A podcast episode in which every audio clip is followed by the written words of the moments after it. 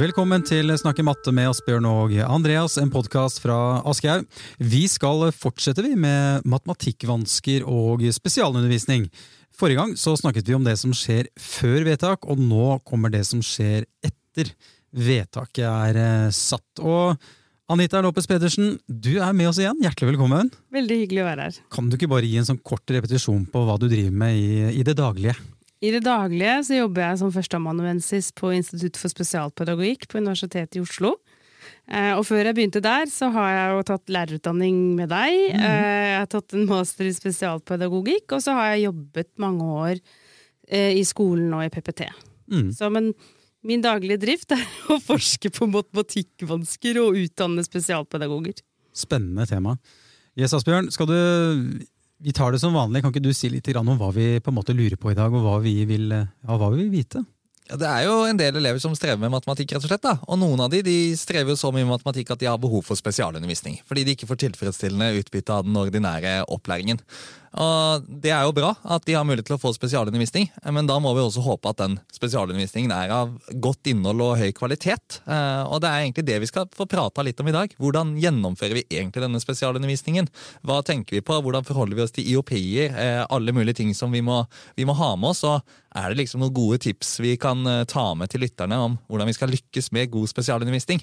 Så Det er liksom målet. da. Eh, og så er det klart at det er vanskelig å, vanskelig å si mange konkrete ting eh, om dette, for elevene er veldig forskjellige. Vi må ta hensyn til dem, men, eh, men vi skal gjøre et forsøk. Mm.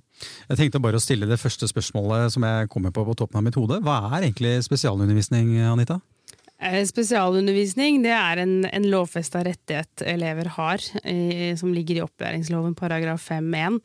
Eh, når man har vurdert at eleven ikke har tilstrekkelig utbytte av den ordinære opplæringen, og den vurderinga er det PP-tjenesten som gjør. Hver kommune skal ha en, en PP-tjeneste, en pedagogisk-psykologisk tjeneste.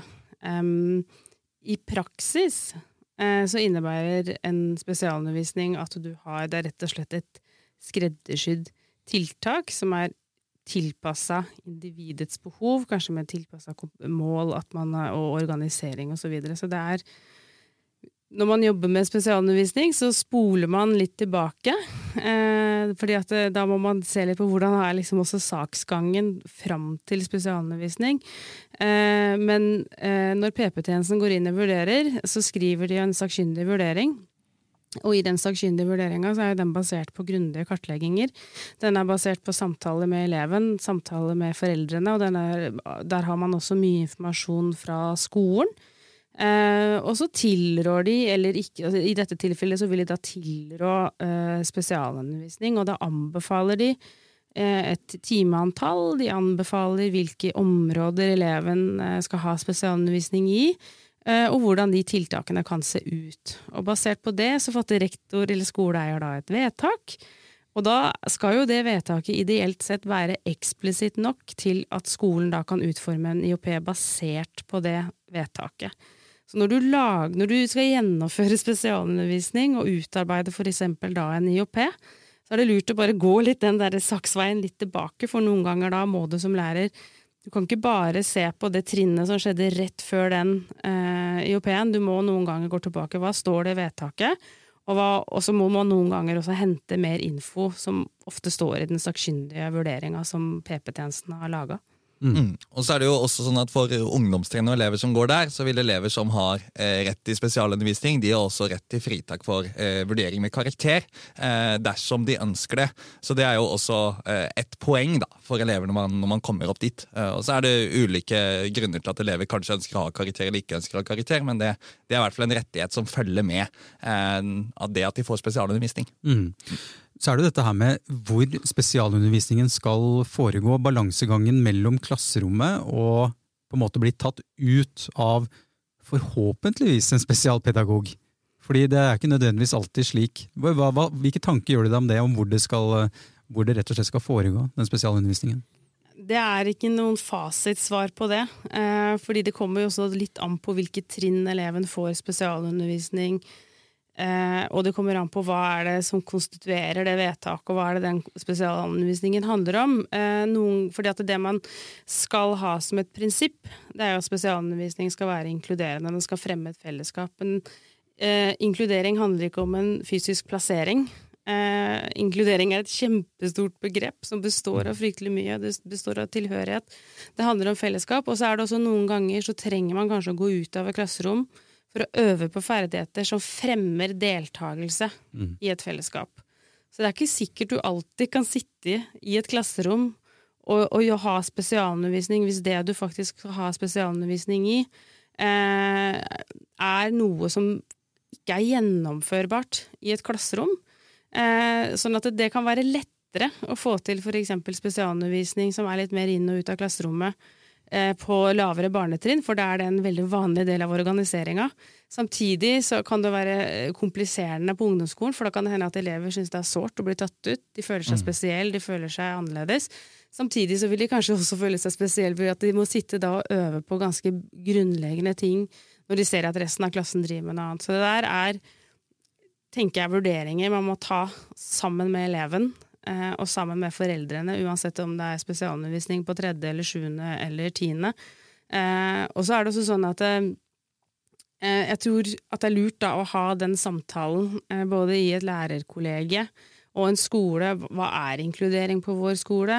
hvordan gjør vi det? er det bare, for det handler om mer enn om en fysisk plassering. Du kan sitte i et klasserom og føle deg ganske ekskludert. fordi at det som mm. skjer der, det foregår over hodet på deg. Og du kan også sitte i en smågruppe og ha det kjempebra, fordi du har et fellesskap eh, i den eh, gruppa. Så det ja. Og noen av de tingene som vi har drøftet en del på vår skole, da, for å gi noen sånne eksempler på noen sånne avveininger, det er jo hva slags matematikk er det man jobber med. Eh, og Jeg jobber på ungdomstrinnet, og det er stor forskjell på ulike temaer eller kunnskapsområder innenfor matematikken. Å ta geometri som et eksempel. da. Eh, hvis man har elever som har spesialundervisning og liksom jobber med eh, kompetansemål fra litt lavere trinn, men ikke kjempelavt, og vi jobber med geometri, så kan det fint fungere å jobbe sammen i fellesskap i klasserommet. Eh, de kan jobbe med å regne ut areal og omkrets av ulike figurer, de, og argumentere som de andre, men kanskje med noen litt enklere oppgaver, litt mer støttemateriell, konkreter, ulike ting som kan støtte dem i opplæringen, og de kan få støtte av lærere og strukturell støtte og sånn i klasserommet. Det kan fungere fungerer veldig bra. Men så jobber man kanskje med, med funksjoner. Eh, eller eh, en del sånn eh, algebra, ligningsting, som det kanskje heller ikke er hensiktsmessig at disse elevene skal arbeide med. For Det er ikke det de kommer til å trenge i livet sitt, den type matematikken, som er viktig for veldig mange andre i det klasserommet, men ikke for de som skal ha spesialundervisning. Og da er det veldig lite hensiktsmessig å være inne i det klasserommet, fordi de føler jo at som du var inne på i stad, at det, det, som snakkes om, går helt over hodet på dem. De har ingen forutsetninger nødvendigvis for å forstå hva det dreier seg om. Og så betyr, det ikke at ingen som har spesialundervisning kan forstå noen funksjoner, altså det er ikke det som er poenget, men, men, men, det er noen temaer som er av en sånn karakter at det kanskje er ikke, det er ikke det som er meningsfylt for denne elevgruppa å jobbe med. Og da er det kanskje mer hensiktsmessig at de får et tilbud utenfor klasserommet. Ja. Og det er da du må gå tilbake til hva står det i denne IOP-en, hva er målene til denne eleven, og så må man jo ta de vurderingene deretter. Eh, hvis vi bruker f.eks. matte og mattevansker som et eksempel, så vet vi noe om f.eks. Hvor, eh, hvor stabilt hvor stabilt det er. Det er veldig, altså Rangordning i matten er ganske stabil, sånn at vi veit at de som strever når de har sex, mm. de står i fare for å f.eks. stå utenfor arbeidslivet og håndtere personlig økonomi. Så hva da må man jo også tenke at når man lager en IOP for en elev som har spesialundervisning, så skal jo det ta, ta Da går man som sagt og ser på de kartleggingene PP-tjenesten har gjort, og man utformer den på det vedtaket. Og så man, man jo, bør man jo kanskje særlig da i ungdomsskolen gjøre det her i medbestemmelse med både foreldre og elev. Mm. Og hva skal vi gjøre med denne, eh, denne spesial, spesialbevisning i matematikk? Handler det om at du skal håndtere livet ditt senere og fungere i et dagligliv, eller handler det om å berge en toer? Og det er vanskelige avveininger å ta når det gjelder spesialundervisning i, i ungdomsskolen. Mm. Jeg tenker også på dette her eh, med hvem som skal ta denne spesialundervisningen. Da. Og Det er jo en kjensgjerning at ute på skolene så er det jo det er ikke så mange med spesialpedagogikk i sitt uh, i, som har det, rett og slett. Så spørsmålet blir om vi kanskje bør Vi snakket så vidt om det her om vi bør utdanne enda flere eh, som har tatt en lærerutdanning, men så tar en videreutdanning i spesialpedagogikk, sånn at vi står bedre rusta. For det, når alt kommer til alt, så står vi ofte ganske aleine i, i, klasserommet. Så, og det er mye som står og faller da på den læreren som eh, ja, har skrevet IOP-en, men også faktisk skal forvalte den IOP-en i hverdagen. For det er jo ikke sånn at det står et kobbel av spesialpedagoger eh, på, på huset. Er jo i tillegg den IOP-en, det er et juridisk bindende dokument. Det er et viktig, det er et viktig mm. dokument, og det er liksom holdepunktet til alle parter når det gjelder den uh, opplæringa. Eh, og så er det jo dessverre sånn at per nå så er det ingen stillingshjemmel for spesialpedagoger i skolen, så der kan man jo kanskje gjøre noe med lovverket også. Eh, med hensyn til at har du f.eks. en mastergrad i spesialpedagogikk, så kan det at det, det bør opprettes de stillingene. Kanskje mm. bør det endog være et krav at skoler skal ha det. Eh, noen lærerutdanninger tilbyr en fordypning i spesialpedagogikk, men alle tar den jo ikke den fordypninga, og det er ikke alle lærerutdanningene som kan tilby det heller. Så, og i hvilken grad klarer skolen å kompetanseheve seg selv all den tid det er noe de trenger, og hva slags stillinger er det skolene lyser ut? Ser, er det ressurslærer, eller er det spesialpedagog? Eh, hva er spesialpedagogikk på en skole? Hvem er det som gjennomfører spesialundervisningen? Er det en salderingspost til de lærerne som har timer igjen på planen som skal fylles opp? Eh, det er veldig ulik praksis. Noen skoler driver kjempegodt. De må vi se til, de skal vi finne, og de skal vi lære mer av. Og så er det noen skoler hvor dette kanskje er liten, et lite gnagesår for mange skoler, for man vil gjerne få til noe som man kanskje ikke har kompetansen til å gjøre. Og da handler det jo om for en skole å kanskje finne den kompetansen, og da er også en PP-tjenesten en støttespiller, for PP-tjenesten har et mandat som både er på individnivå og systemnivå. Hvorfor i all verdens rike er det sånn som dette her? Jeg får jo egentlig litt lyst til å hamre litt i bordet her akkurat nå. For det er jo egentlig under enhver kritikk at vi har skoler uten spespedere. Ja, og så tror jeg at dette er noe av det som gjør veldig mange lærere eh, veldig slitne. Eh, og at de opplever at de føler på en utilstrekkelighet. og Jeg kan kjenne på det selv mange ganger. Ikke sant? Man mm. har elever som strever masse, og som opplever lite mestring. Og som man ikke har den tiden man trenger til å hjelpe i klasserommet. Og Det er klart at det er utrolig kjipt å føle på det. Eh, og så skal man gjøre det man kan for å liksom inkludere og lykkes, og at de skal oppleve mestring. og jeg tror Mange av de tingene som vi har snakket om i de andre episodene i podkasten Vår snakke matte, er viktig også for disse elevene, med tanke på inkludering. og Man kan jobbe i grupper på tvers av nivå, man kan jobbe med utforskende oppgaver og klassesamtaler, jobbe muntlig og ikke alltid skriftlig. og disse tingene. Kjempeviktig også for denne, uh, for denne elevgruppa. da. Uh, men man må jo klare å møte dem, og det er jo en gang sånn at noen er på et faglig nivå som gjør at det er ikke meningsfullt å holde på med det vi gjør i fellesskapet i klasserommet når vi har kommet opp på ungdomstrinnet. Og de, eh, de, de, trenger å få et annet tilbud. Eh, og så tror jeg det er mange som kjenner på en frustrasjon også med at ok, kanskje har man spesialundervisning én av timene i uka, men ikke de andre timene.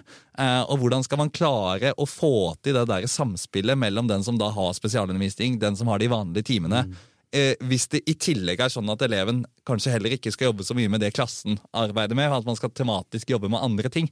Altså Da begynner det å bli et sånn komplisert landskap da, eh, å, å, lykkes i. Eh. Så heter jo det du skriver her, det heter jo samarbeid. Ja. og det heter planlegging. Eh, og det er det kanskje den, den, største mangelvaren i norsk skole. Det er tid til samarbeid og skape en rød tråd for opplæringstilbudet til elevene. Der på, på mattefeltet igjen så har man jo en del forskning på hvordan er det vi f.eks. kan rigge tiltak, om jeg kan bruke det begrepet. For mm. har du spesialundervisning, så har du som regel et vedtak som går på årstimer. Mm. Eh, ikke sant? Og da kan du jo du å organisere de eh, timene f.eks. i bolker. Klarer vi å kjøre intensivt eh, opplegg på noe denne her? Men da må man kanskje i forkant av det intensive opplegget planlegge hvordan skal vi opprettholde effekten av det vi har jobbet med nå, i den ordinære opplæringen. Og mm. det krever at eh, f.eks. ledelsen eh, setter av tid til det, at det er en prioritet på skolen, at det er mm. systematisk, og at det det er en, en, for eksempel én måte å organisere deler av spesialundervisning som også varer litt over tid. fordi for når elever har spesialundervisning, så er det jo mange som nettopp trenger hjelp over tid. Det er ikke alltid sånn at et tolv ukers lesekurs eller regnekurs, så er, vi, er vansken over. Eh, eller at man har eh, liksom kommet på et, et punkt hvor man ikke trenger det lenger. Noen trenger hjelp hele skoleløpet.